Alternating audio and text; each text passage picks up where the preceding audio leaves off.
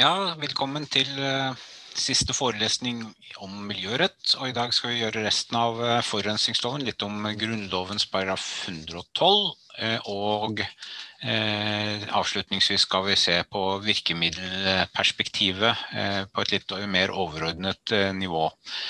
Så vi var kommet til eh, forurensningstillatelsene, og vi hadde gått gjennom dette lysarket som jeg viser her, eh, som eh, behandler når det kan gis tillatelse, eller skal gis, eller er eh, hjemmel for å gi tillatelse.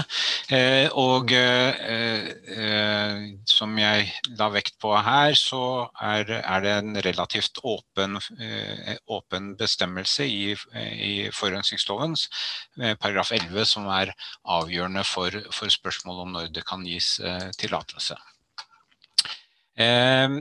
Det som er viktig å merke seg, er at det er lagt opp til en bred kost-nytte-vurdering, hvor man også kan ta inn andre eh, hensyn enn de rent forurensningsmessige når man gir denne typen tillatelse. Så det betyr at eh, selv om det er ganske alvorlig forurensning det dreier seg om, så kan man gi tillatelse til eh, den aktuelle virksomheten hvis det er andre samfunnsmessige hensyn som man mener er viktigere. Så det gis en veldig bred fullmakt til, eh, til forvaltningen. Og spørsmålet er jo om i hvilken grad domstolene kan overprøve dette. De kan iallfall prøve om relevante hensyn, altså hvorvidt det er relevante hensyn. Og de kan nok også prøve spørsmål om avgjørende hensyn. Eh, så, så noe mer enn det som er eh, helt eh, eller er begrenset til det minimale, nemlig myndighetsmisbruk. Eh, de kan nok prøve litt utover det, men eh, mye tyder på at, at domstolen i denne sammenhengen vil være relativt tilbakeholdne med å overprøve et faglig skjønn. Og noe av grunnen til at jeg sier det, er noe som vi kommer tilbake til i neste, under neste lysark, nemlig denne dommen om omgjøring som, eh, heter, som, er referert til som fett- og limdommen fra 1995, side 738, der man får denne eh, berømte uttalelsen om inkommensurable størrelser. Eh, eh hvis dere ser på eh, paragraf 18 fjerde ledd eh, i forurensningsloven, så vil dere se at de rammene som gjelder for omgjøring av, av tillatelser, Eh, i de tilfeller hvor tillatelsen er mer enn ti år gammel, eh, de, eh, den, den, adgangen til omgjøring den følger da Eh, omtrent eh, Eller de følger akkurat de samme reglene som eh, den opprinnelige tillatelsen.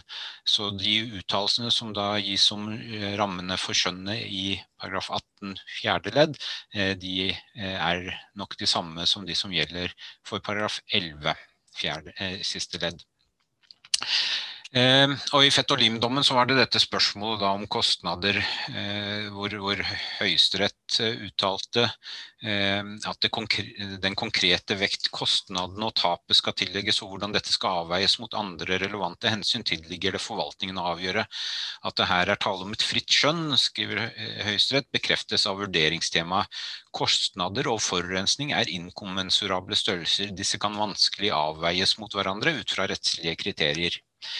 Eh, den dommen har jo vært kritisert en del, eh, så, så det Høyesterett sier her at de er inkommensurable og at de ikke kan avveies mot hverandre, og da viser tilbake igjen til et fritt skjønn, eh, er nok kanskje ikke helt holdbare, i og med at det kan godt være spørsmål om relevante eh, og pliktige, eller relevante hensyn og pliktige hensyn i denne sammenhengen, som, som eh, vil være et lovtolkningsspørsmål eh, som domstolene kan gå inn i.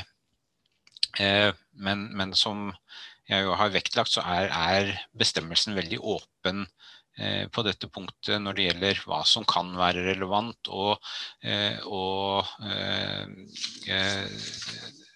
avgjørelsen i Lunde Pukkverk-dormen tilsier jo at eh, det er ganske åpent også hva som kan være avgjørende hensyn under paragraf 11 fjerde, eh, siste ledd.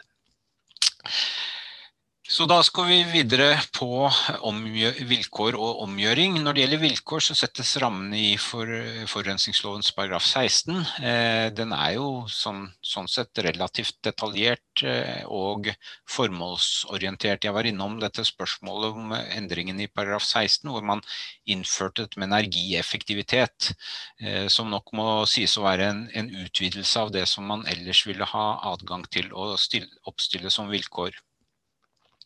Eh, og grunnen til at energieffektivitet er, eh, kommer i tillegg i en sånn sammenheng, eh, det er jo at, at man vil kunne si at hvor, hvordan en bedrift forbruker energi ikke nødvendigvis har noen som helst sammenheng med eller i en del tilfeller ikke vil ha noen som helst sammenheng med utslippene fra virksomheten, og dermed så er det ikke de relatert til utslippstillatelsen som sådan.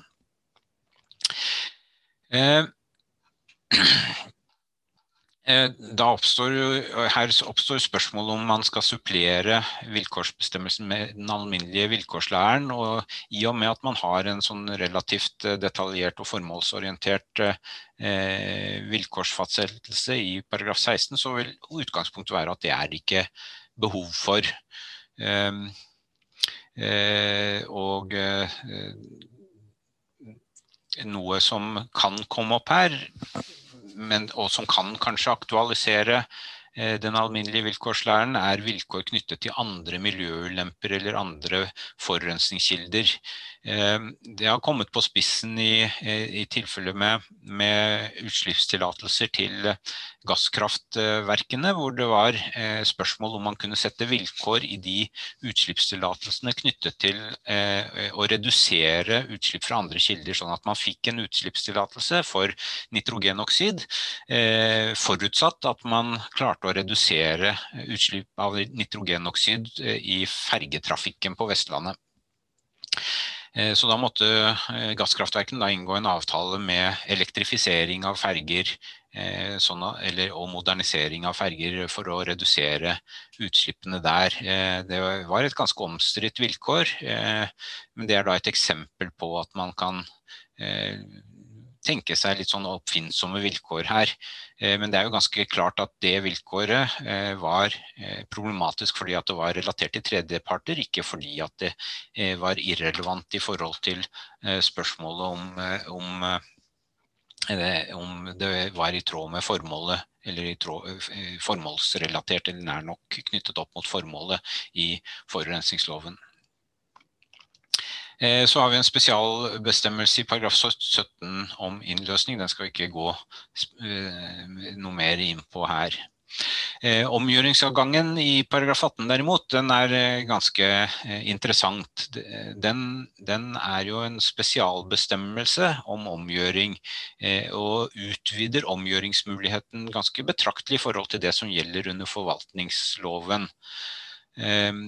Så her, eh, og det vi spesielt skal eh, eh, merke oss, er den at den åpner ganske sterkt for å, å omgjøre til skade for forurenser. Etter ti år så er det en generell adgang, og så før ti år så har man første ledd nummer én til tre som setter rammen for hva man kan omgjøre. Eh, og da er det eh, utvikling når det gjelder skaden eller ulempen ved forurensningen. Det er eh, ny teknologi som gjør det mulig å minske forurensningen i vesentlig grad. Så det er endringer i de faktiske forhold, eh, stort sett som kan medføre dette.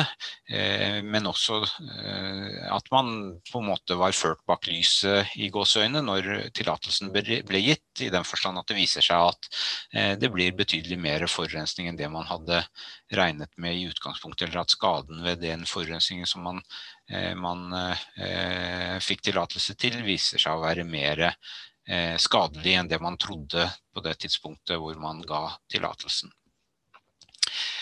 Eh, så det er da eh, til skade for forurenser. Eh, så er det til gunst for forurenser. Eh, og dette kom opp i gasskraftsaken i forbindelse med, med etableringen av gasskraftverk i sin tid. Og dette var faktisk den første gang i verdenshistorien at en regjering gikk av på en klimasak. Det var Bondevik-regjeringen som gikk av på denne saken her, stilte kabinettspørsmål og, og tok konsekvensene av at de ikke fikk medhold. Så det som skjedde var jo at man stilte veldig strenge krav til utslipp til gasskraftverkene, og, og sa at, man, at bordet fanget at man ikke kunne omgjøre de utslippstillatelsene til fordel for forurenser.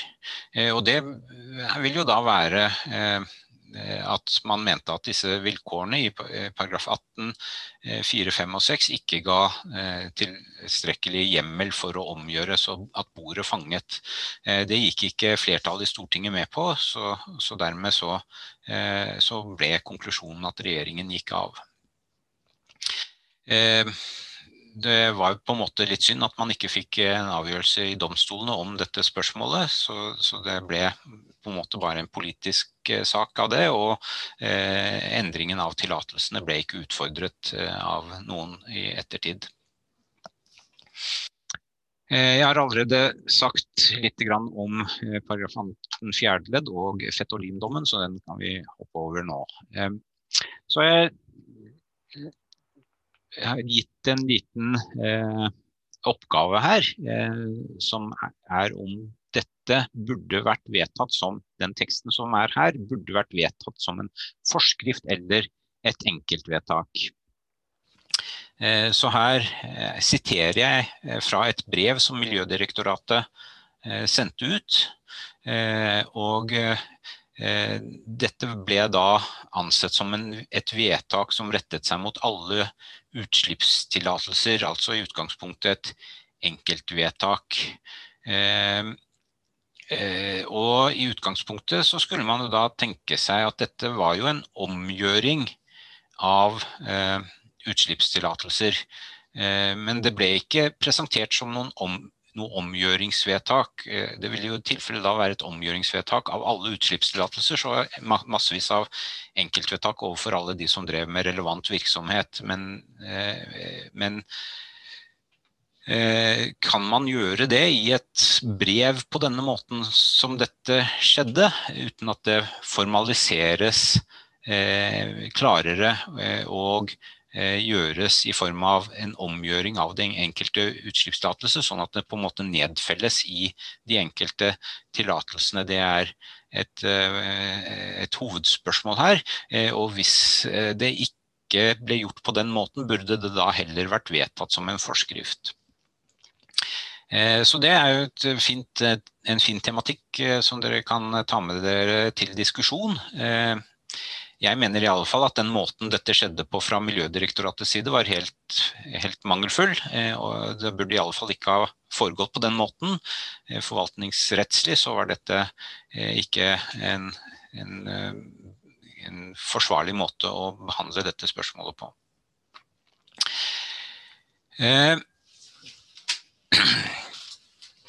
Når det gjelder saksbehandlingen, så finnes det noen konkrete regler om dette i kapittel 3, som vi har vært innom. Eh, eh, I tillegg altså dette med meldeplikt, utredningsplikt osv. Men mange av disse reglene har fått en mye mer presist for, en mye mer presis formulering i forurensningsforskriftens kapittel 36 og 37.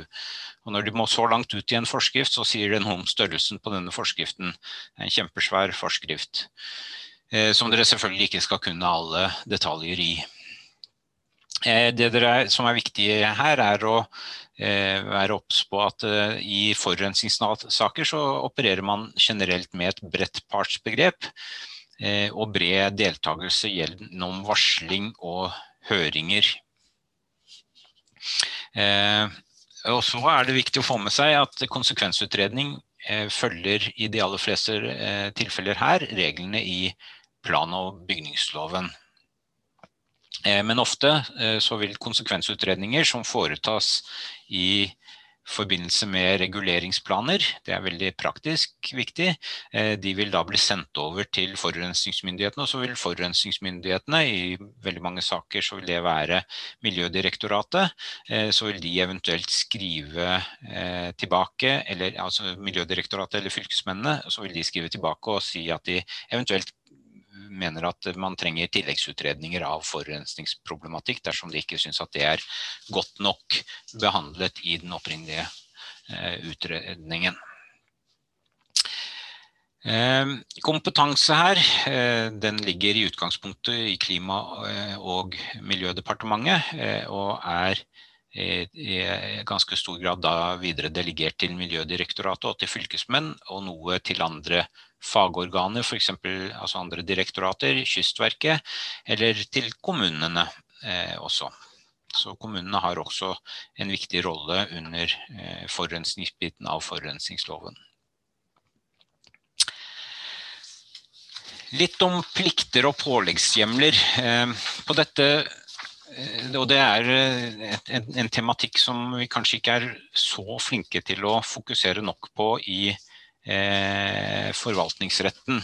Dette med eh, hvor, hvordan lovgivningen etablerer plikter og muligheten for forvaltningen til å gripe inn i konkrete saker.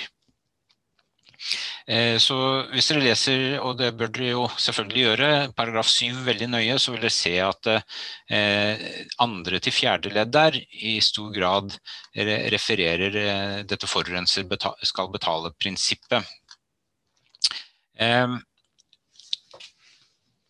Det, et hovedspørsmål som, som, oppstår her, det er det som refereres til som den ansvarlige for forurensningen, som skal gjøre ditt og datt i denne forskriften. Og det første spørsmålet er hvem er det?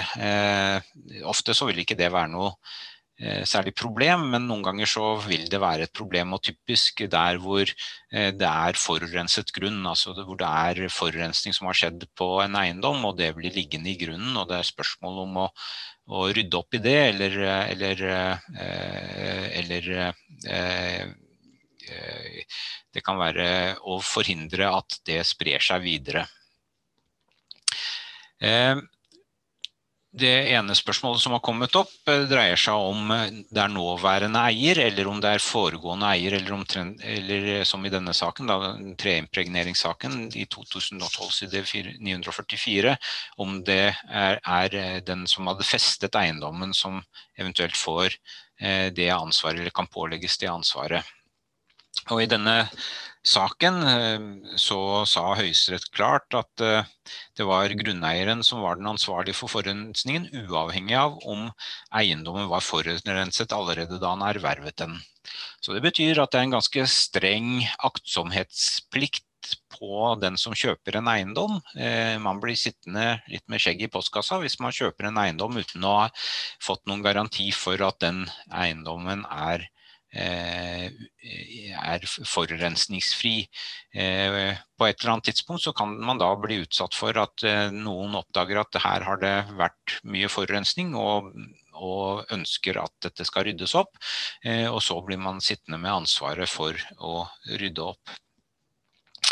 Og det gjelder ikke bare at det er en akutt forurensningssituasjon. Det kan være også for å hindre Eh, hindre forurensning fra å skje i fremtiden.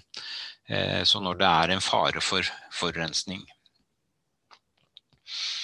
Eh, og det som skjedde i denne saken, det var jo at eieren ikke gjorde det. Og hvis eieren får et sånt pålegg og ikke gjør det, eller en oppfordring og ikke gjør det, så kan myndighetene gå inn og hyre noen til å gjøre det for seg. Og, der, og da er det eh, eieren som blir sittende med kostnadsansvaret for den opprydningen.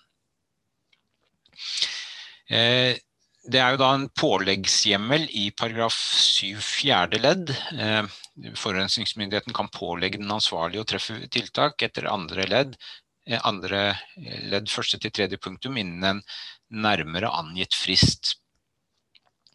Eh, der eh, kan det pålegget ikke bare rettes mot den ansvarlige for forurensningen, men også et morselskap. Det følger av Hempel-dommen. Den gikk ikke direkte på paragraf 7 fjerde ledd, men på en tilsvarende bestemmelse i paragraf 51. Eh, og der var det morselskap som kunne pålegges å sørge for eller bekoste undersøkelser eller lignende tiltak, eh, uttrykte Høyesterett. Hva som eh, kan pålegges, eh, det er begrenset i siste ledd i paragraf 7 andre ledd. Siste punktum i paragraf 7 andre ledd. Plikten etter dette ledd gjelder tiltak som står i et rimelig forhold til de skader og ulemper som skal unngås. Så man må foreta denne avveiningen av hva som er fordelene mot hva som er ulempene. Altså en kost-nytte-vurdering også i denne sammenhengen her. Ehm, neste tema er eh, spørsmål om inntruffet forurensning og hva slags rettsvirkninger det får at det er inntruffet forurensning. Eh, vi har allerede vært innom denne plikten til å treffe eh, tiltak etter paragraf 7 andre og fjerde ledd. Eh, og, eh, og, så er det en, en erstatningstematikk eh, som kommer opp, eh, så man kan bli erstatningspliktig eh, som innehaver av eh, en forurenset eiendom. Så kan det med ulovlig forurensning innebære at man får et grunnlag for å omgjøre en forurensningstillatelse etter paragraf 18 Eh, det kan være et grunnlag for å stanse virksomheten som foregår på eiendommen etter kapittel 9 i forurensningsloven, og så kan man eh, få straff etter kapittel 10. Eh, men som dere vil se når dere begynner å lese disse bestemmelsene, så er det veldig få av dem som sier at forvaltningen har en handleplikt, altså har en plikt til å Eh, pålegge tiltak, eller ha en plikt til å omgjøre, eller ha en plikt til å stanse virksomheten, eller ha plikt til å anmelde og, og straffe.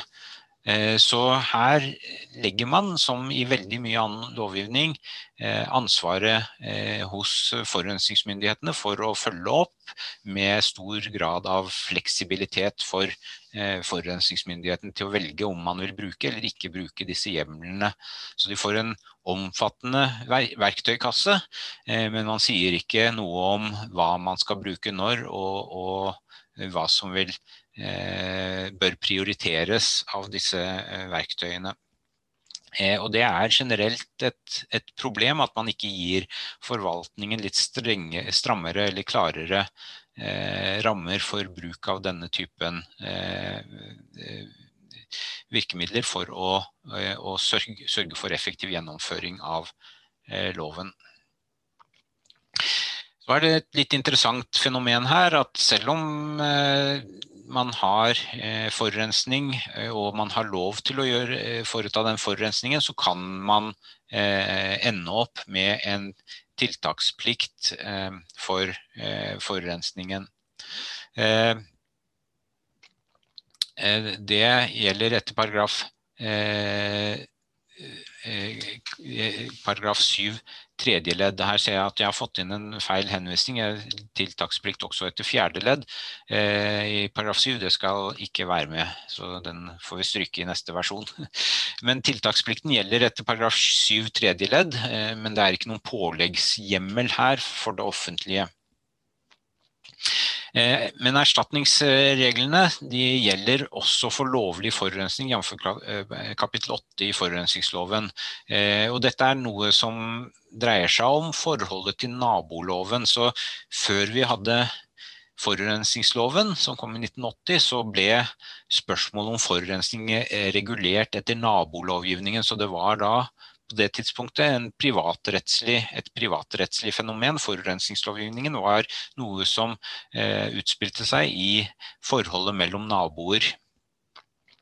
Eh, forurensningsloven kom til eh, som et resultat av at det eh, ofte ikke var tilstrekkelig eh, å basere seg på nabo, naboers eh, eventuelle misnøye med forurensende virksomhet, og at man trengte en overordnet samfunnsmessig regulering av forurensningen.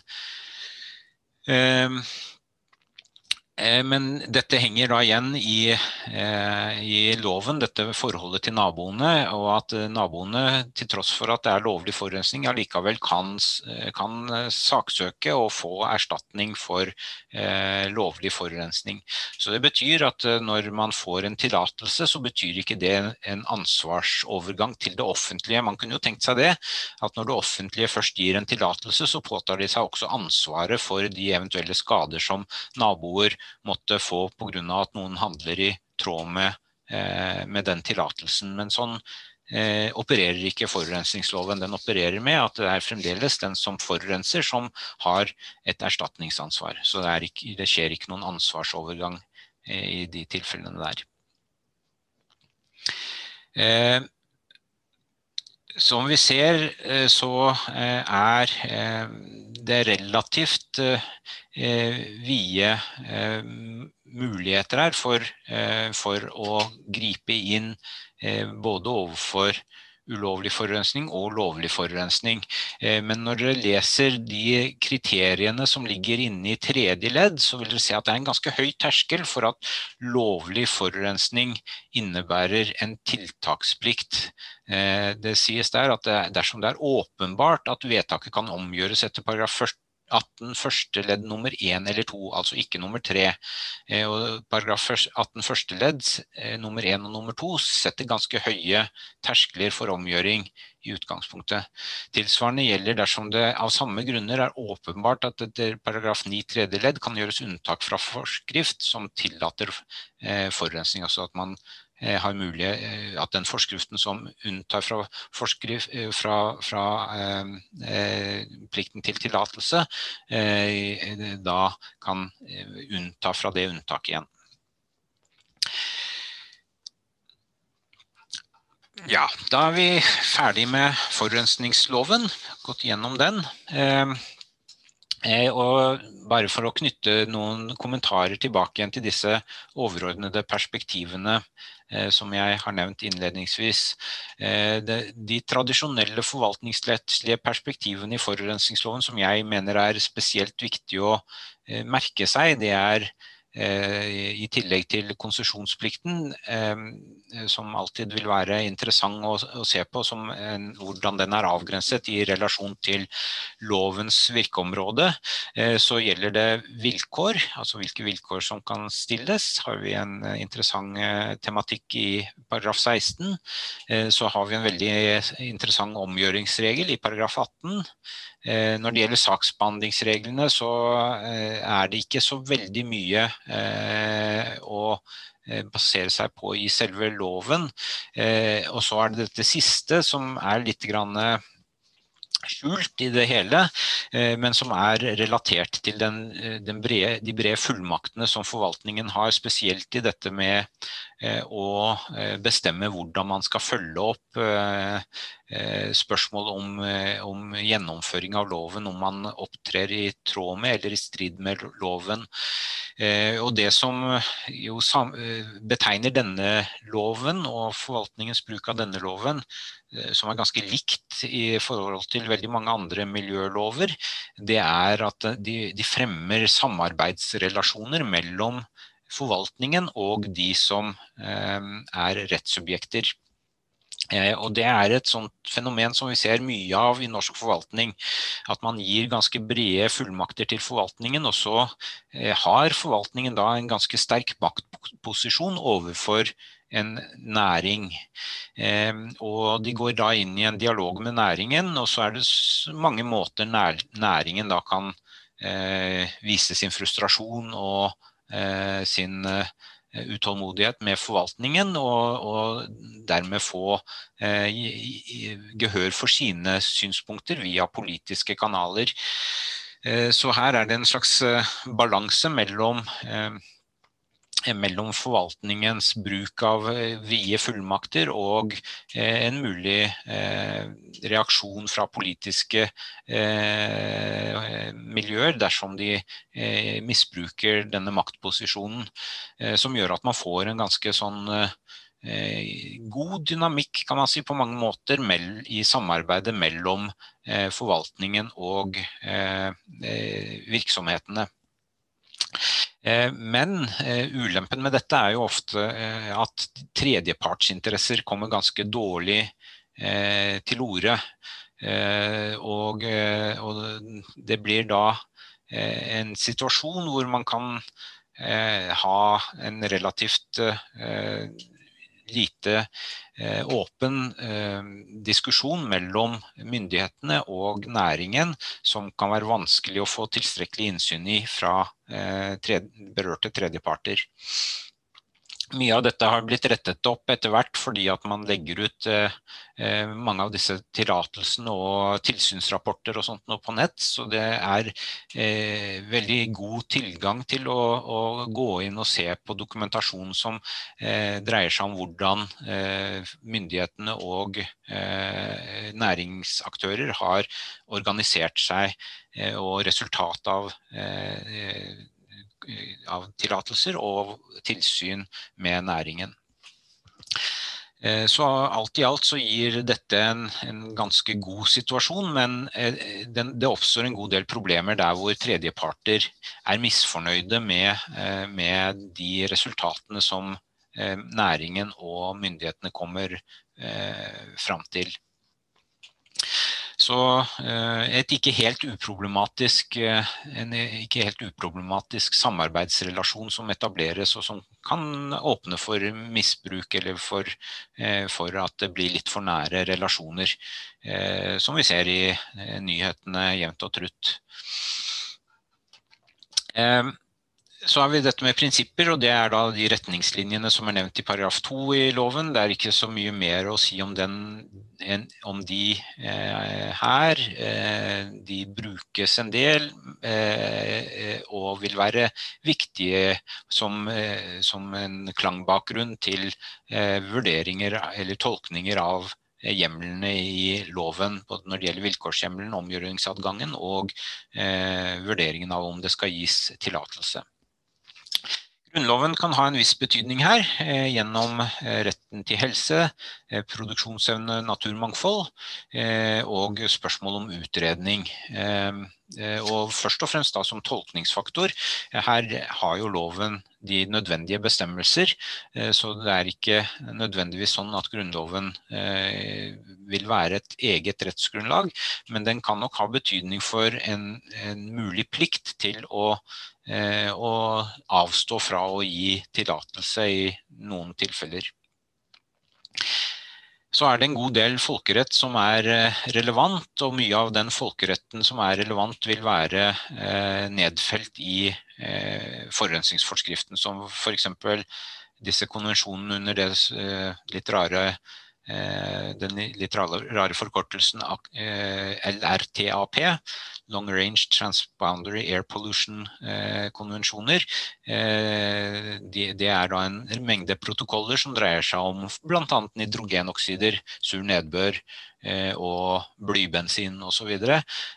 Som man finner nedfelt i, i forurensningsforskriften. Ozonnedbrytende stoffer, ulike typer kjemikalier er også regulert i forurensningsforskriften. Eh, viktige etiske perspektiver under forurensningsloven det vil eh, veldig fort dreie seg om fordeling av kostnader. Hvor er det kostnadene ved forurensning til slutt ender opp hen?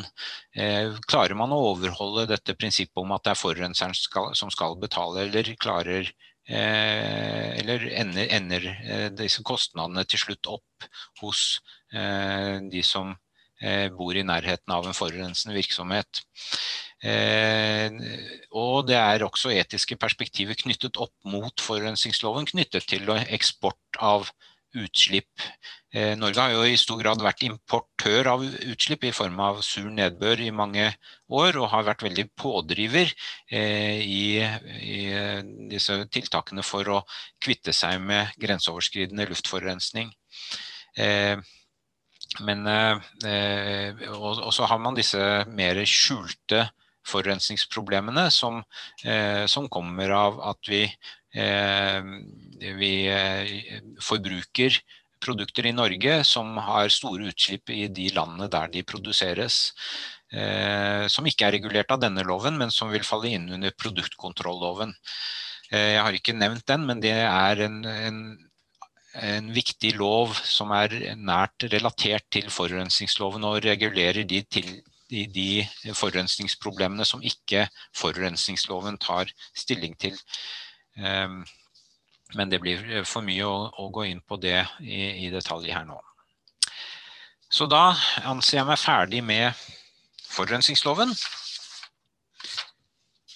Um, og ettersom jeg ikke ser noen som reagerer på, det, på den, så skal jeg gå videre med eh, litt om Grunnloven. Jeg skal ikke bruke mye tid på Grunnloven.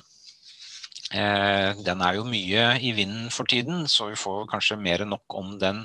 Eh, eller ikke mer enn nok, men vi får mye om den i forbindelse med klimasøksmålet som kommer. Eh, Grunnlovens paragraf 112 eh, har disse tre grunnelementene som jeg nevner her, den sier noe om at man har rett til en viss miljøkvalitet. Eh, den sier noe om rett til informasjon, og implisitt da også om plikt til utredning. Og så sier den noe om fremtidige generasjoners retter, rettigheter.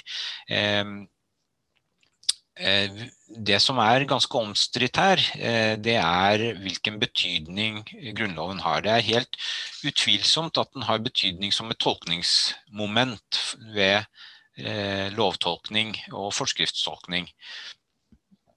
Eh, og Hydalen-dommen, som kom relativt raskt etter at eh, Grunnlovens paragraf 110 b, som var forløperen til 112, ble vedtatt, eh, altså den ble vedtatt i 1992, så denne høyesterettsdommen kom i 1993. og der sier de i den dommen som dreide seg om landskapsvernområde og, og, hyttetomter, hvor man ikke fikk solgt hyttetomtene sine fordi at det ble etablert et landskapsvernområde. Og de ba om å få erstatning, og dette var på den tiden da man ikke fikk erstatning ved landskapsvern. Så da ble det et spørsmål om Grunnlovens paragraf 105 kunne gi rett til erstatning. Og det sa, eh, kom Høyesterett til at det kunne de ikke få. Eh, og da trakk de inn eh, paragraf 110 b i tolkningen av paragraf 105.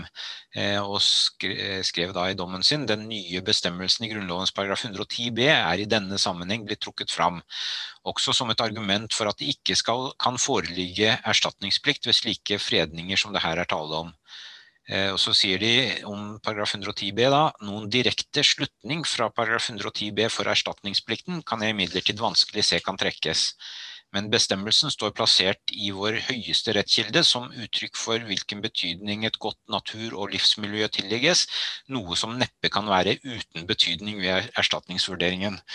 Så her sa de at den eh, paragraf 110 b var ikke avgjørende. Det var ikke et, et, et, avgjørende rettsgrunnlag for å nekte eh, erstatning, men den har betydning for tolkningen av paragraf 105. Eh, det som er eh, et eh, omstridt spørsmål, er jo selvfølgelig da om eh, paragraf 112 kan være et selvstendig rettsgrunnlag. Eh, og eh, der I klimasøksmålet så har jo både eh, tingretten og lagmannsretten kommet til at den kan være det, eller at den er det. Den er å anse som en rettighetsregel. Men staten mener jo da fremdeles at den ikke er det, og, og anker dommen på det grunnlaget. Så nå blir det Høyesterett i plenum som skal ta stilling til det spørsmålet. Eh, og dette spørsmålet om rettighets- og pliktregel eh, er knyttet opp mot hvordan man skal, eh, hvordan man skal lese tredje ledd i bestemmelsen. Det skal vi komme litt tilbake til om litt, men først så skal jeg si litt om hvem denne bestemmelsen gjelder for. For det er ikke helt åpenbart etter ordlyden her at, at skal, hvem, hvem som er rettighets- og plikts, eventuelt pliktsubjekt under denne bestemmelsen. Ehm,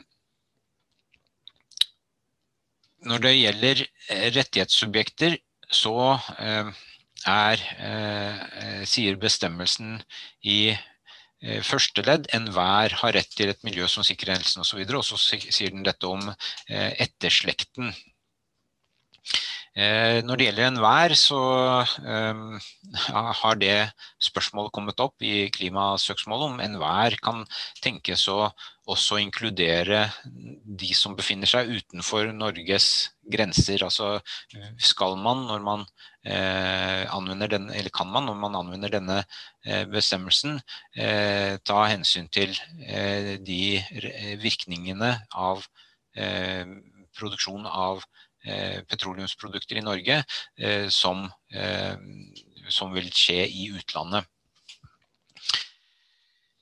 Og der har, er det en forskjell i dommen i, i, tingretten og i lagmannsretten, i det at tingretten er avvisende til dette, mens lagmannsretten åpner for at man også kan ta denne typen eh, hensyn inn under paragraf 112.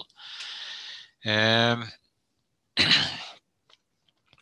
når det gjelder eh, etterslektens eh, rettighetsstilling her, så er det jo veldig vanskelig å tenke seg at etterslekten som sådan skal ha en mulighet til å, å, å realisere sine rettigheter direkte under bestemmelsen. Skal vi se, nå er det noen som vil chatte med meg her. Eh, referansen til klimasøksmålet eh, etterlyses. Eh, det tror jeg nok er veldig enkelt å finne hvis dere går inn i Lovdata. Så ligger de dommene lett tilgjengelig. Både fra tingretten og lagmannsretten. Så jeg har ikke det på stående fot her, men de, de er veldig lett søkbare.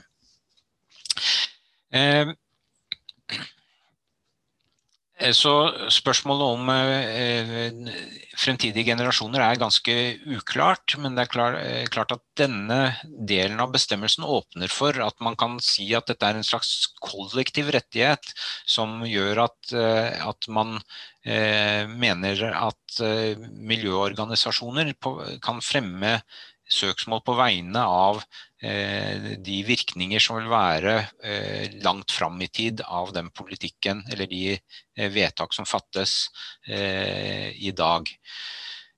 Så, så, det er den viktigste biten her, at, at noen må kunne ta, ta, ordet på vegne av, av disse fremtidige interessene, og bruke dem aktivt i et søksmål som pågår om eh, ting som skjer i dag. Eh, et spørsmål som også har kommet opp, det er om vi kan skille mellom kjerne og periferi i denne bestemmelsen. At dette, denne bestemmelsen har på en måte et kjerneområde som angår individuelle rettigheter, og at disse mer eh, fremtidige og eh, uklare eh, virkningene de befinner seg i en slags periferi i bestemmelsen.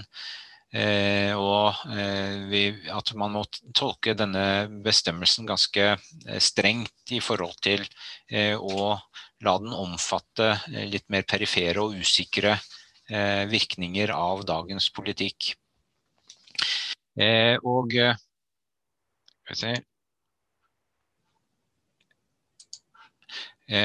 og der er forholdet slik at, eh, eh, at det er uklart om man vil akseptere denne tanken om kjerne og periferi. Men det er, det er vel også relativt åpenbart i tilknytning til dette spørsmålet at, eh, at bestemmelsen aktualiserer grensen mellom juss og politikk. Og jo mer politisk en tematikk blir, eh, jo lengre inn i den politiske eh, diskurs et spørsmål hører, jo vanskeligere blir det å si at vi er innenfor paragraf 112 sitt kjerneområde i gåseøyne, og, og, at man vil si at domstolene bør tre tilbake og overlate eh, løsningen av spørsmålet til politikerne.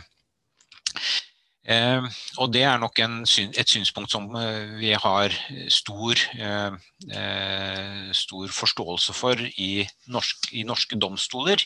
Eh, og, at, og, og, det vil være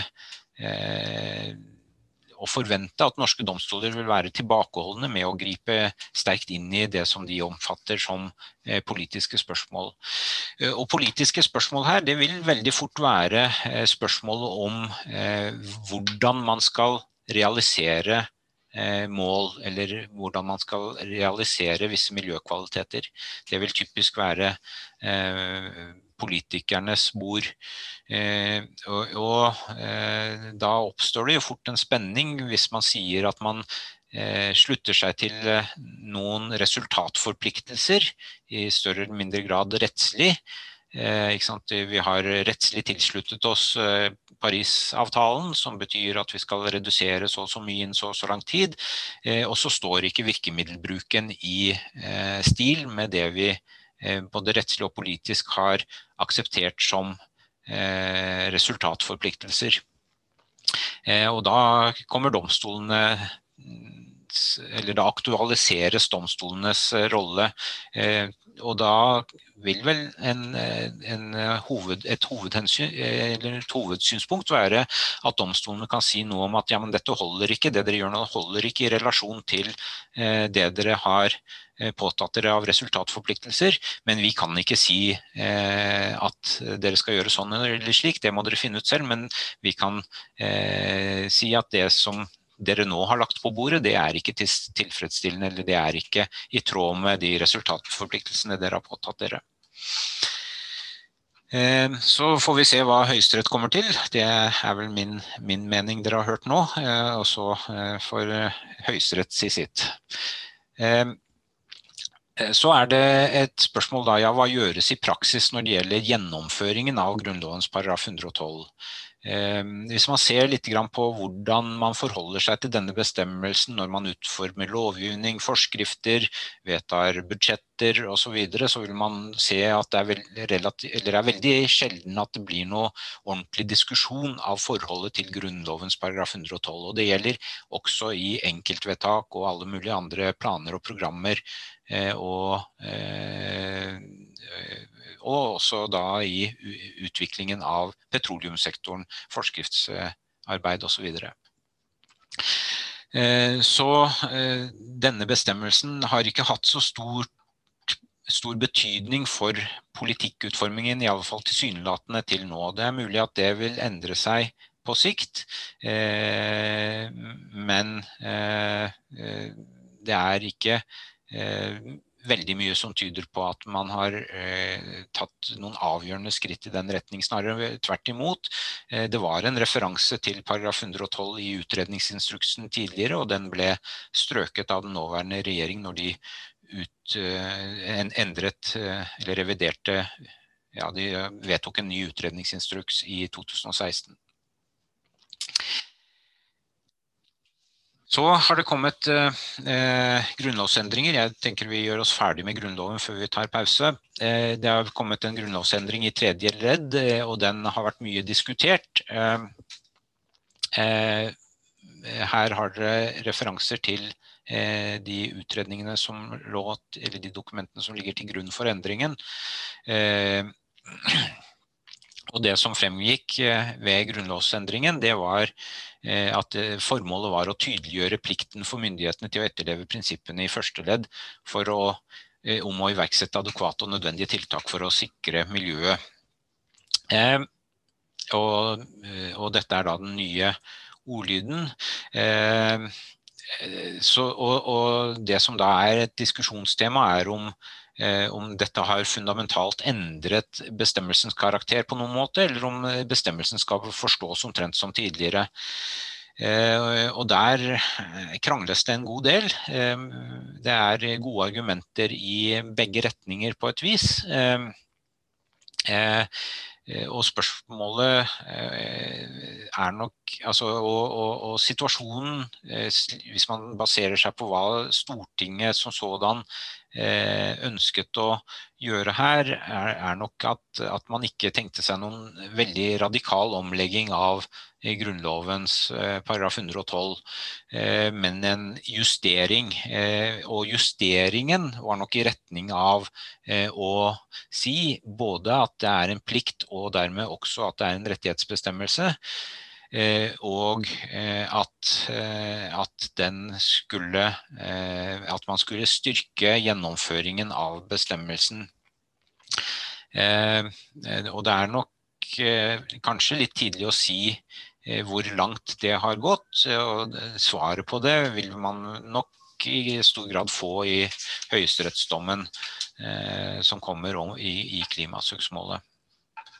Jeg så at det var eh, eh, lagt ut en eh, referanse til, til klimasøksmålet her, og der, der, kommer begge to, ja. Så det var både tingretten og eh, lagmannsrettens avgjørelse. Så nå har alle de tilgjengelige. Og i neste versjon av lysarkene skal jeg legge det inn der òg.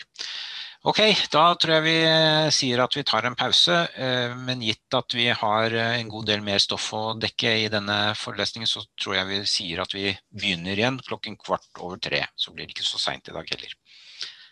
Da tar vi en pause. Og send meg gjerne chat hvis spørsmål eller synspunkter på chat om dere har noen.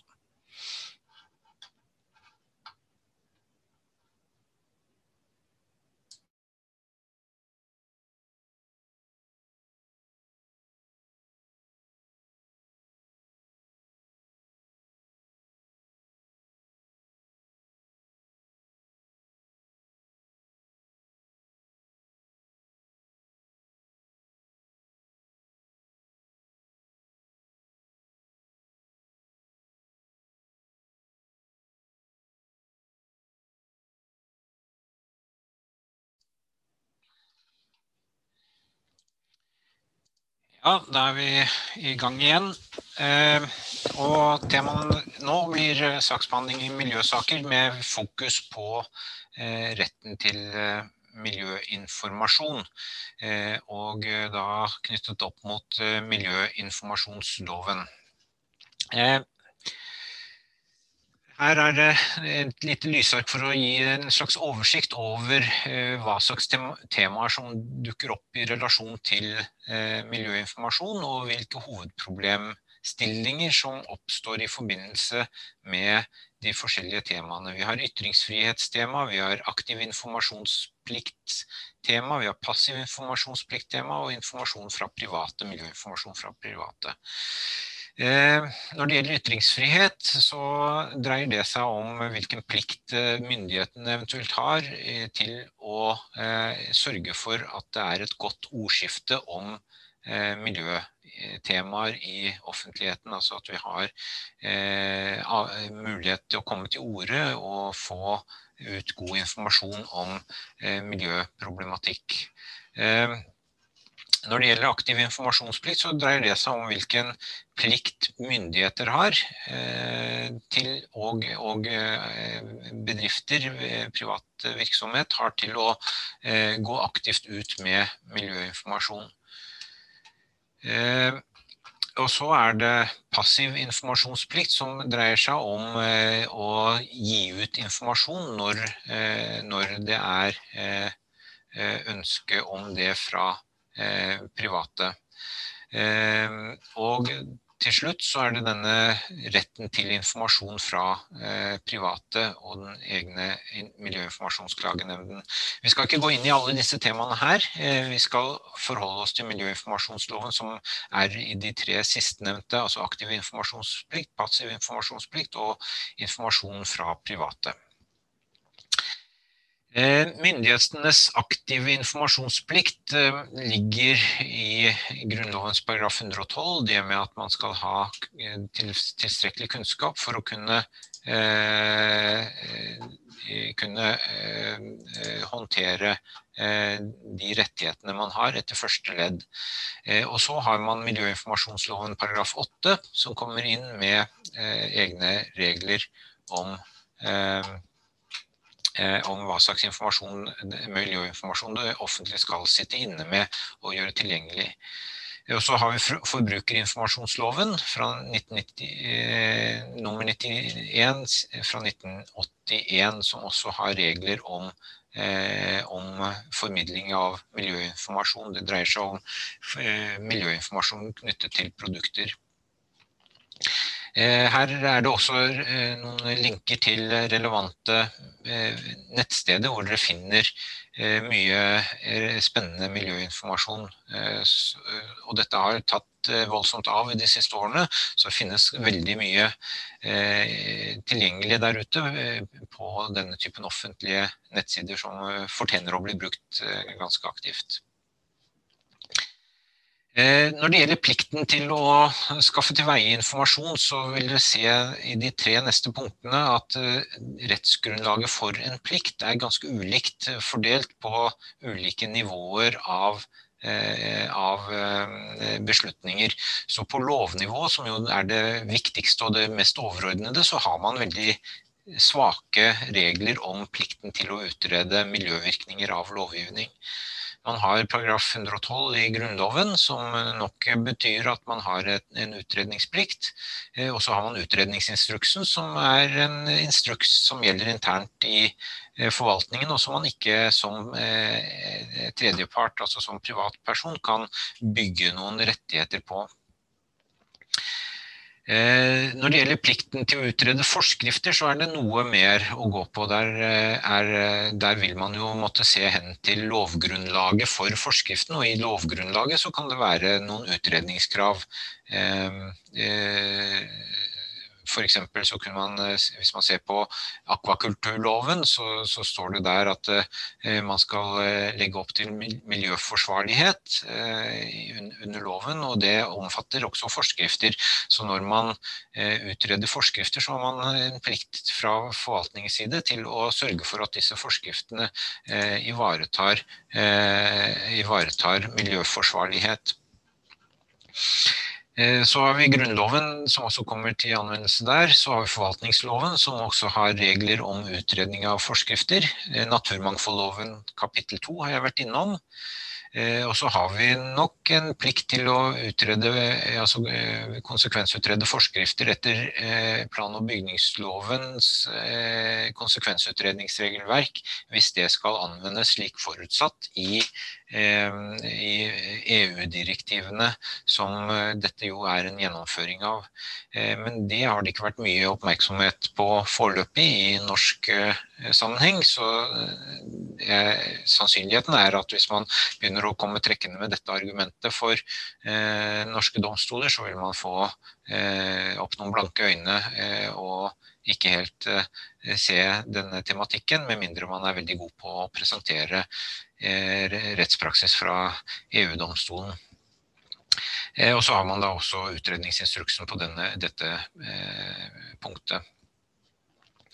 Der hvor man har veldig strenge regler for å utrede miljøkonsekvenser, det gjelder ved enkeltvedtak og planer og programmer, og mye av grunnen til at man har denne plikten er jo konsekvensutredningsregelverket etter plan- og bygningsloven, som er veldig strengt på akkurat dette punktet. Hvis det er såpass alvorlige miljøkonsekvenser av et vedtak at det, og en plan eller et program, at det utløser utredningsplikt etter konsekvensutredningsforskriften. Men det vil jo da dels, altså det vil jo dels være kommunen som foretar disse konsekvensutredningene i forbindelse med planvedtak, eller fylket dersom det er fylkesplan, eller staten dersom det er statlig plan. Og ellers så vil det være private som er pålagt å fremskaffe en sånn konsekvensutredning. Men det vil da være det offentlige som sørger for at denne typen opplysninger blir lagt frem for allmennheten.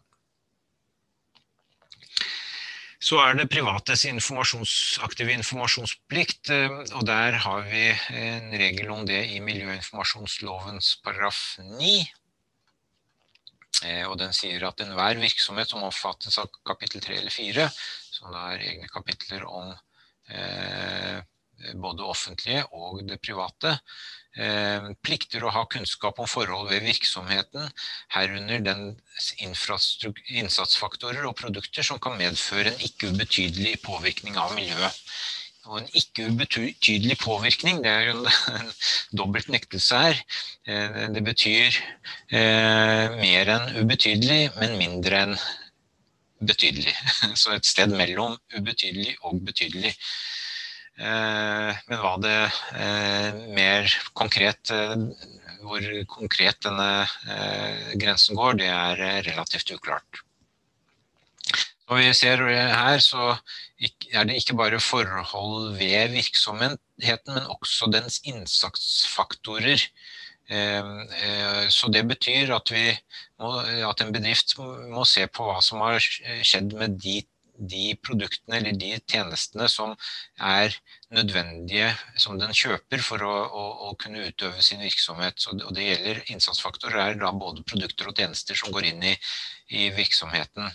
Eh, og de produktene den har, det betyr at den, eh, det er ikke bare den forurensningen den slipper ut, men også de, hva, hvor det blir av produktene og hva slags miljøkonsekvenser de produktene eh, eh, skaper på lengre sikt. Så her er det relativt åpenbart at her legges det til grunn et livssyklusperspektiv. Dette framgår også av eh, paragraf 16 andre ledd, som omhandler hvilken eh, Eh, plikt eh, private har til eh, å, å utgi informasjon, miljøinformasjon.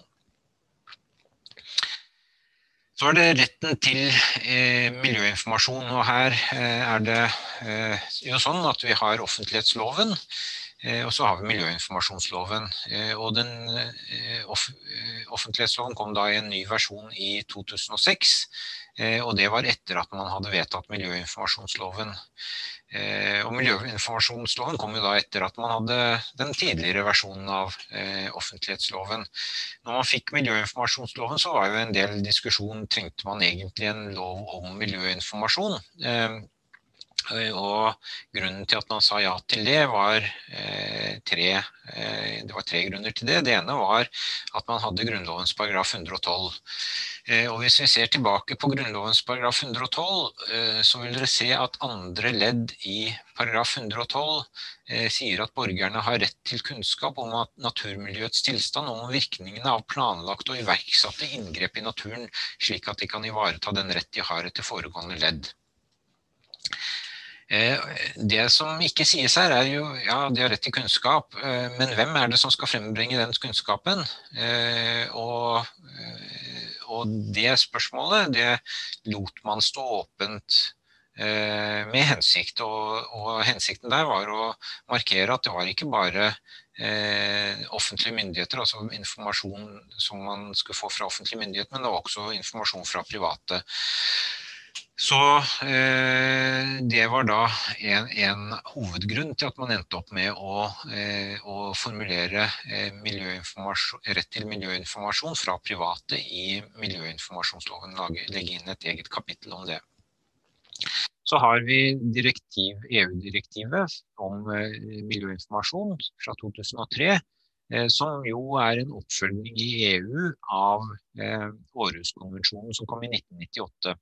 Århuskonvensjonen eh, legger ned rett til miljøinformasjon, er eh, fremdeles en svært viktig rettskilde når man eh, rettskildefaktor eller tolkningsmoment når man skal tolke innholdet i miljøinformasjonsloven. Det som da skiller seg fra offentlighetsloven når det gjelder miljøinformasjonsloven, er at man har et relativt bredt informasjonsbegrep i paragraf 10. Eh, så dere vil se der at det er ikke nødvendigvis eh, sånn at eh, det er begrenset til den informasjonen som det offentlige sitter inne med, men det er også den informasjonen som, som det offentlige burde ha, eller som de har hjemmel til å skaffe seg, og som de dermed også Eh, kunne ha hatt, eh, eh, eller naturlig kunne ha hatt, som et ledd i sin virksomhet. Og her er det en kobling tilbake til det offentliges informasjonsplikt i paragraf 8. Så er det en absolutt rett til adgang til visse typer informasjon i paragraf 12 i miljøinformasjonsloven. Og Eh, det dere kan merke dere der, eh, er at man både har rett til informasjon om helseskadelig forurensning, eller det som kan skape alvorlig skade på miljøet, forholdsregler for å hindre eller redusere den skaden. Og de to elementene de er interessante i relasjon til det generelle unntaket om forretningshemmeligheter som man har i offentlighetsloven. Og det betyr jo da at man kan ikke holde hemmelig ut fra forretningshemmeligheter, hva slags innsatsfaktorer man har i virksomheten som har et stort forurensningspotensial og som slippes ut fra virksomheten. Så har vi en særregel om avveining av interessen i informasjon opp mot interessen i å unnta informasjon fra offentlighet i paragraf 11 i miljøinformasjonsloven. Og her har jeg laget en liten oppgave om å se forskjellen på offentlighetsloven og miljøinformasjonsloven. Begge disse meroffentlighetsreglene i paragraf 11 i disse to lovene. Og det får da være en oppgave til dere, eller en oppgave som dere kan kose dere med i kollokviegrupper eller tilsvarende, og lese gjennom disse bestemmelsene. Her ser dere hvilke deler av bestemmelsen som jeg mener er ganske bestemmende, eller som er bestemmende for disse spørsmålene og for min konklusjon og også andres konklusjon om at disse bestemmelsene er forskjellige og at det er en sterkere rett til å få utlevert informasjon, miljøinformasjon etter miljøinformasjonsloven enn under meroffentlighetsregelen i offentlighetsloven. Hvis dere går til denne innsynsportalen som jeg har nevnt her, så kan dere se litt på hvordan man praktiserer disse lovene, og dere kan jo teste ut også det offentlige og be om innsyn i dokumenter. Det er mye man får veldig lett tilgang til via denne innsynsportalen, så det er et veldig effektivt virkemiddel for å få få dokumenter. Men der hvor det offentlige ønsker å hemmeligholde ting, så har de stor mulighet til å kjøre igjennom en sånn politikk ut fra den praksisen som de har. Og det vil dere se at hvis dere ber om innsyn, så vil jeg nesten, ja, jeg vil gi, det er veldig liten sjanse for at man får et svar som også inkluderer en vurdering etter miljøinformasjonsloven, med mindre man eksplisitt påberoper seg den. Men det er jo da ikke en god praktisering av loven.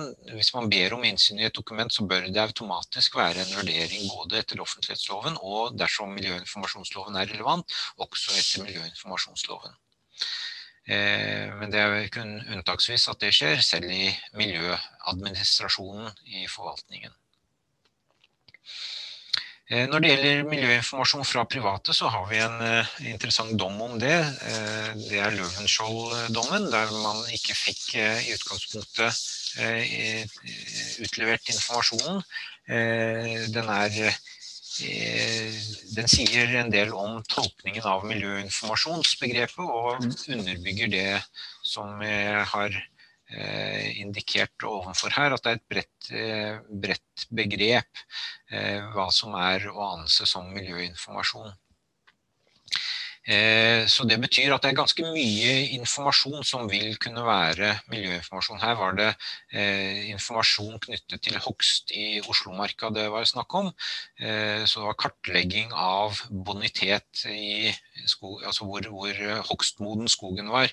Og det miljøorganisasjonen var ute etter her, det var jo kunnskap om hvor det var gammel skog som stod i fare for å, å bli hogget, og de ønsket å, å ha ha den oversikten. Og så sa Løvenskiold at det var forretningshemmeligheter, så det kunne de ikke utlevere, og dessuten så var det ikke miljøinformasjon, men tapte da på, på begge de punktene.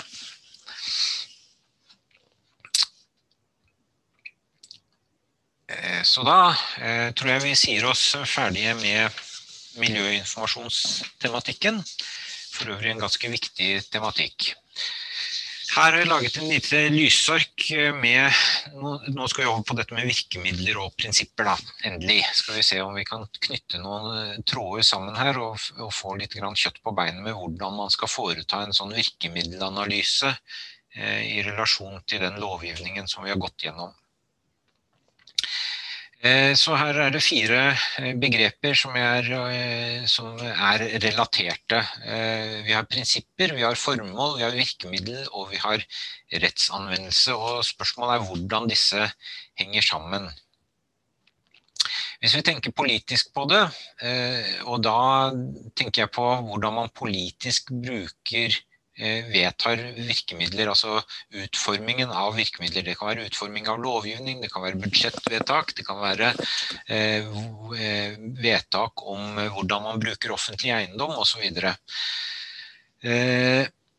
Og da vil prinsippet prinsipper i utgangspunktet ha betydning for hva man anser som for, formålet eller målet for disse eh, virkemidlene, og hvordan disse virkemidlene utformes.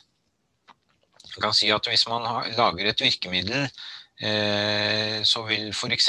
Eh, prinsippet om forurenseren betaler, eller tiltakshaveren skal betale, ha betydning for om man kommer til at det offentlige skal betale for, eh, for at man endrer, endrer atferd, eller om det er den private som skal gjøre det. Eh, og I utgangspunktet ville da presumsjonen, hvis man følger prinsippet, være at man legger kostnaden på den private. Men hvis man ser i reell politikk, så vil man se at det veldig ofte nå eh, skjer at det er det offentlige som tar byrden og sier at vi skal betale.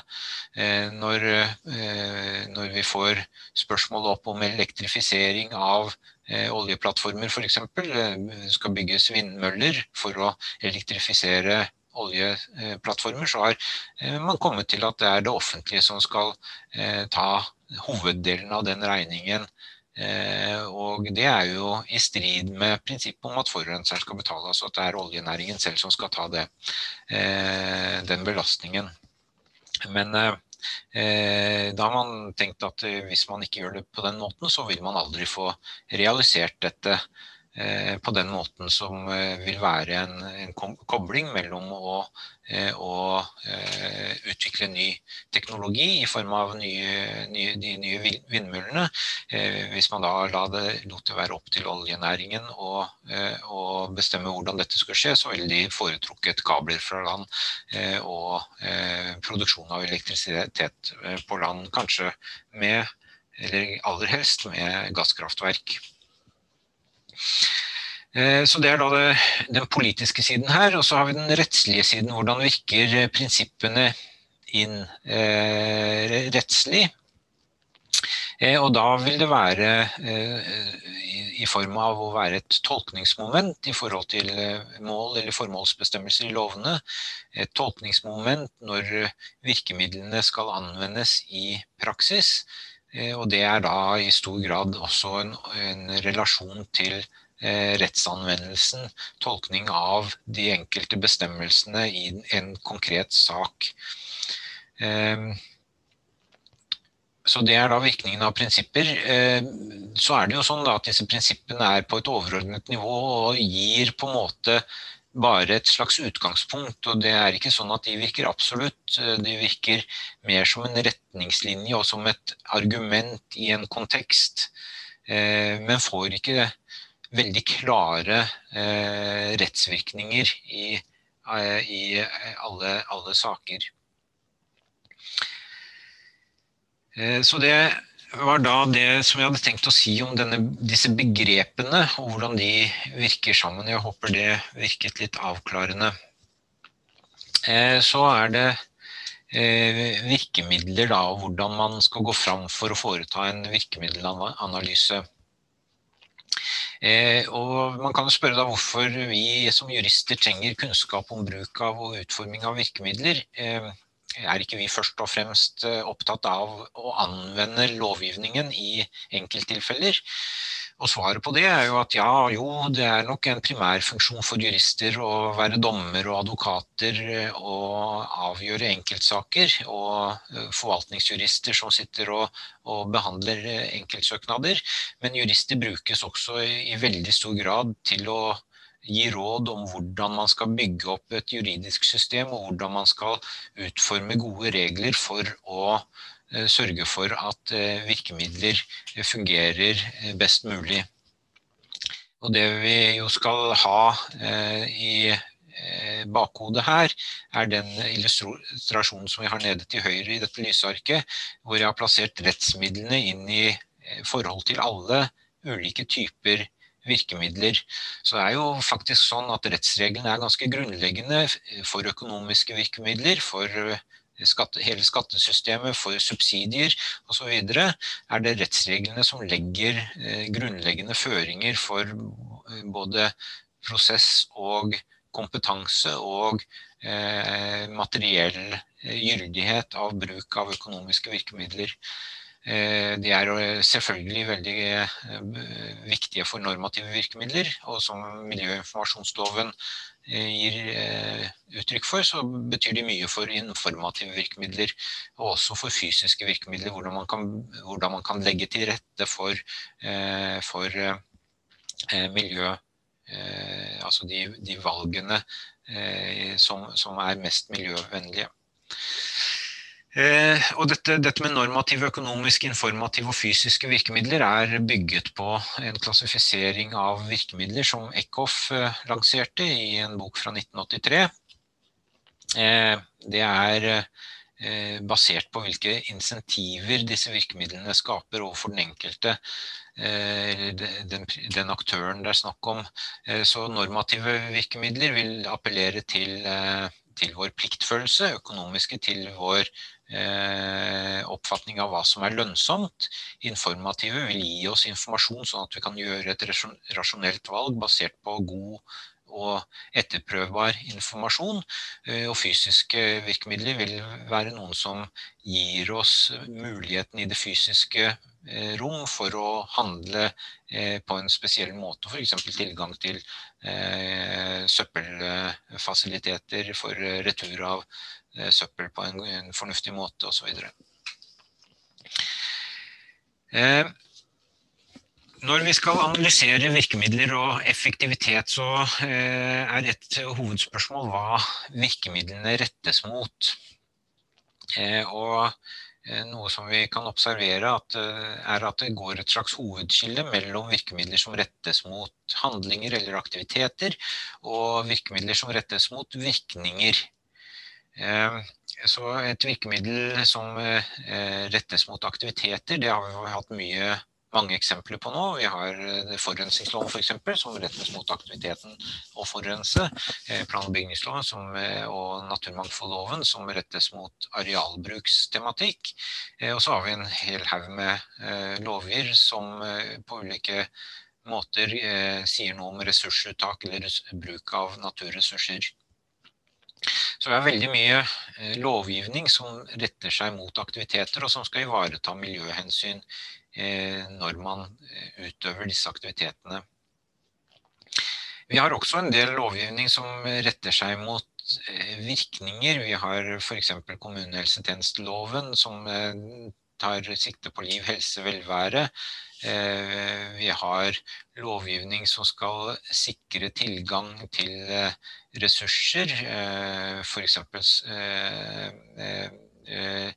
Eh, Finnmarksloven om ressurstilgang og fordeling i Finnmark. Vi har eh, elementer av naturmangfoldloven som knytter seg opp mot biodiversitet, at man skal ha en, viss, eh, et visst nivå på naturmangfold.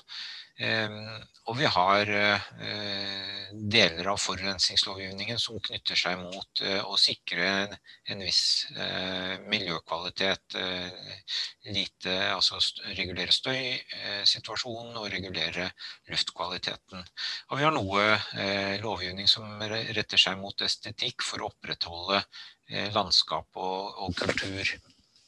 Så noe som da retter seg mot virkninger, men det aller meste eh, det dreier seg om, eh, om aktiviteter, og regulere aktiviteter.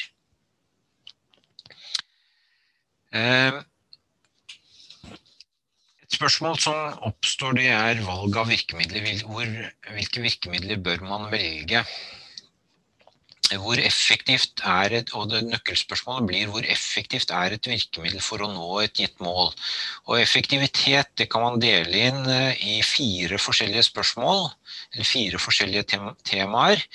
Eh, eller dimensjoner, eller hva man ønsker. Eh, altså, og Det første temaet er kostnadseffektivitet. Eh, og jeg skal også si noe om transaksjonskostnader. Så kostnadseffektivitet betyr at man ønsker å, eh, vet, å ha virkemidler som eh, innebærer minst mulig kostnader i forhold til å nå de målene man. Så, og det man ofte da sier for å ha et kostnadseffektivt virkemiddel, er at man definerer hva som skal oppnås, men så gir man stor grad av frihet til eh, de som eh, skal eh, bestemme hvordan man skal oppnå dette i praksis, som ofte vil være private aktører. Så man sier at dere skal oppnå sånn og sånn, men vi overlater til dere å bestemme hvordan dere best mulig kan nå det målet. Så det betyr at man ofte ender opp da med, med plikter til å, å nå et visst mål f.eks. En, en eh, redusert, et redusert utslipp. Eh, det vil være mer kostnadseffektivitet enn å for, eh, mer kostnadseffektivt enn å, å pålegge noen å gjøre ting på akkurat én måte. For det forutsetter jo da at man har perfekt kunnskap om hva som vil være det mest rasjonelle måten å gjøre ting på fra det, fra det offentlige side, og det vil ofte ikke være tilfellet. Eh, det man ofte glemmer litt når man eh, vektlegger kostnadseffektivitet, det er at det kan ha en god del transaksjonskostnader å gi så stor frihet ut. Dels fordi at man må kontrollere en del, eh, kan være, og dels fordi at, at, at det kan bli ganske komplekse tillatelsessystemer. Hvis vi tenker på eh, forurensningsloven f.eks., for så sier man at eh, man eh, så lager man et veldig åpent eh, tillatelsessystem som gir ganske mye fleksibilitet til forvaltningen og til de private aktørene. Eh, og det fremmer kostnadseffektivitet, men er nok et, også et ganske dyrt system å administrere. Eh, vi har tilsvarende situasjon når det gjelder Parisavtalen f.eks. om klima, eh, reduksjon av klimagassutslipp. Styringseffektivitet eh, det er da det andre perspektivet her. Styringseffektivitet det innebærer at man legger stor vekt på å oppnå et visst mål. Altså Man vil ha stor grad av sikkerhet for at man skal oppnå det målet som man skal ha, som man setter seg. Eh, så det er resultatet som er i fokus. Ehm, og det man kan si er at kostnadseffektivitet det vil gi en større usikkerhet i forhold til oppnåelse av resultatet, mens, eh, andre, eh, mens hvis man velger velger virkemidler som er mer styringseffektive, så vil man ha større trygghet for at man når resultatet, men man vil kunne eh, tape på at det blir mer eh, høyere kostnader for de som skal, skal gjennomføre det som er nødvendig for å nå målet. Så ofte så står, er det en viss sånn Eh, spenningsforhold mellom kostnadseffektivitet og styringseffektivitet. Og det er vanskelig å finne en god virkemiddelblanding som sørger for at man når begge disse målene i høyest mulig grad. Eller begge disse to perspektivene på effektivitet. Så har vi tredje tema som er dynamisk effektivitet, som dreier seg om effektivitet over tid. Eh, for når man starter opp et virkemiddel, så vil man ha en viss forholdning til det virkemiddelet fra eh, eh, de aktørene som man prøver å påvirke. Og til å begynne med så kan det være at et virkemiddel er relativt lite effektivt, for få kjenner til det og er vant til det og forholder seg til det. Etter hvert så lærer man seg hvordan, hva som man skal gjøre, og så blir det bedre effektivitet. Og så kan det være at etter hvert så tilpasser man seg virkemidler og, prøver, og mener at det er for dyrt eller at det er irrasjonelt, og at man, man uh, kan klare å omgå virkemidler. Man kan finne måter å tilpasse seg på som gjør at virkemidler virkemidlet blir mindre effektivt, og at det blir større frihet for de som skulle vært påvirket av direktivet, til å opprettholde den virksomheten som man ellers ville at man skulle ha endret.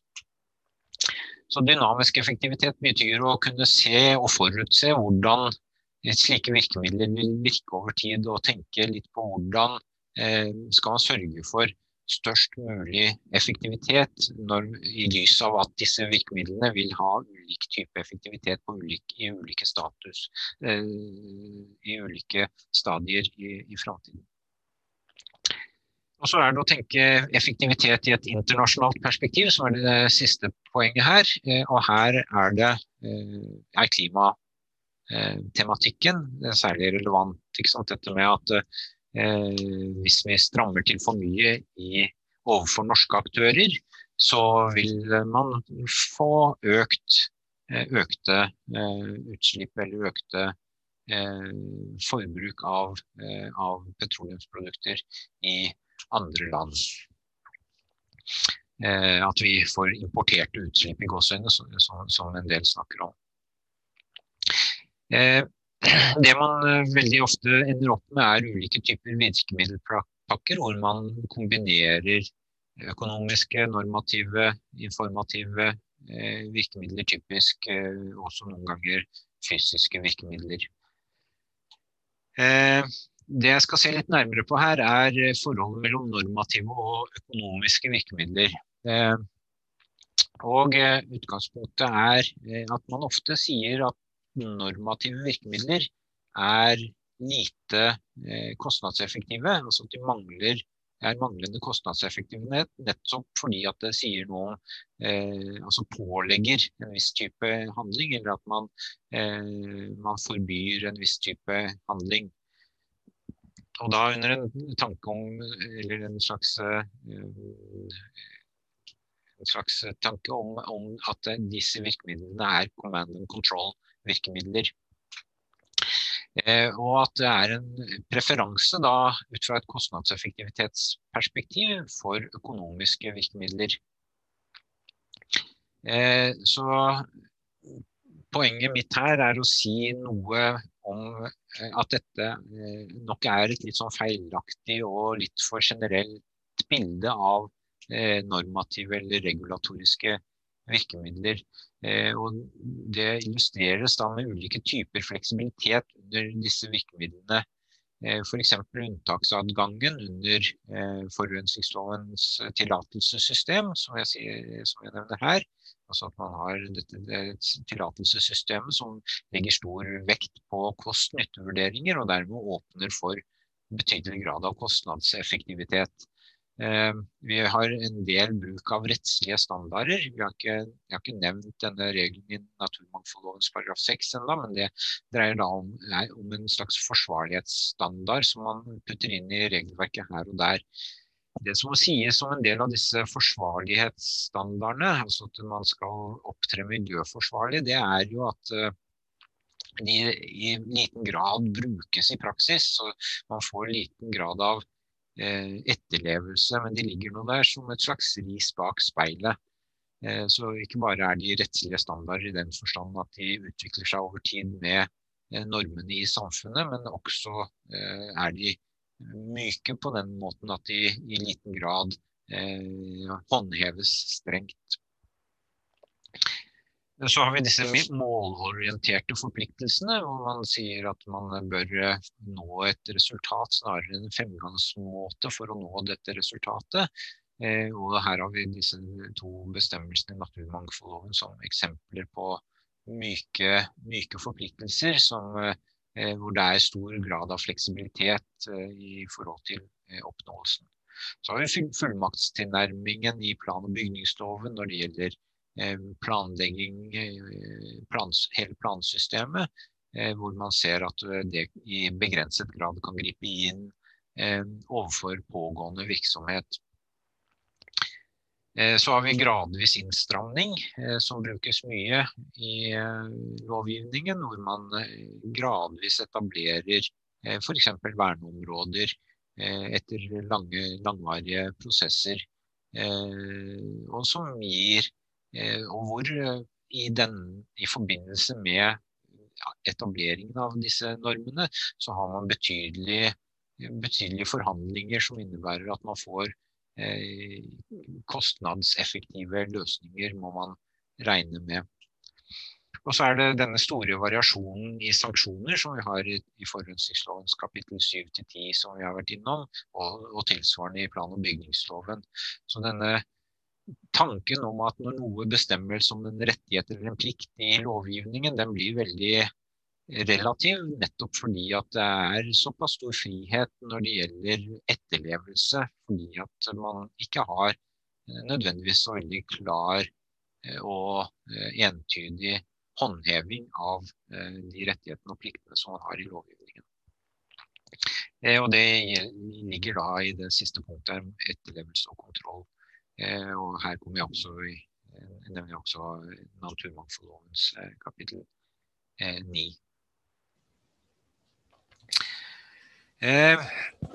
Så det var litt om, om, kostnadseffektivitet og normative virkemidler. Og motsvarende kan man da foreta en analyse av økonomiske virkemidler, men det ligger litt mer på siden av det vi skal fokusere på. Eh, så har vi ansvaret for virkemidlene. Eh, og eh, dette er et, et viktig tema på mange måter i både rettssystemet og forvaltningen. Og når vi tenker miljørett, så vil det veldig fort være hvor man plasserer ansvaret for de miljørettslige reglene.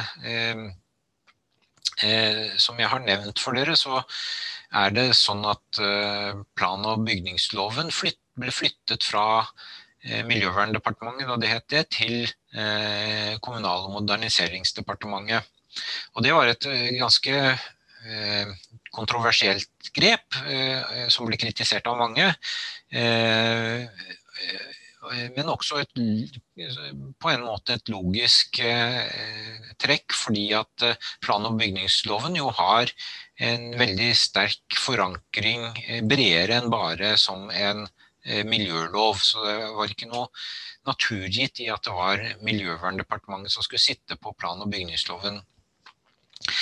Eh, men det betyr jo da at eh, kanskje miljøhensyn blir mindre sentrale i praktiseringen av den loven, fordi, nettopp fordi at det blir et departement som ikke primært har miljøhensyn som sin hovedoppgave i, i i sin portefølje, for, for, og da får det får en, en, en, effekt på hvordan denne loven i praksis blir gjennomført.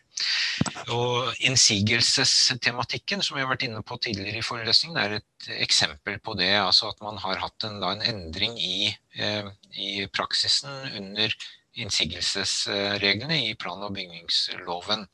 Eh, når det er sagt, så jeg også, må jeg også nevne at man hadde det tilsvarende problemet som påpekt av Riksrevisjonen i 2007, før loven ble flyttet.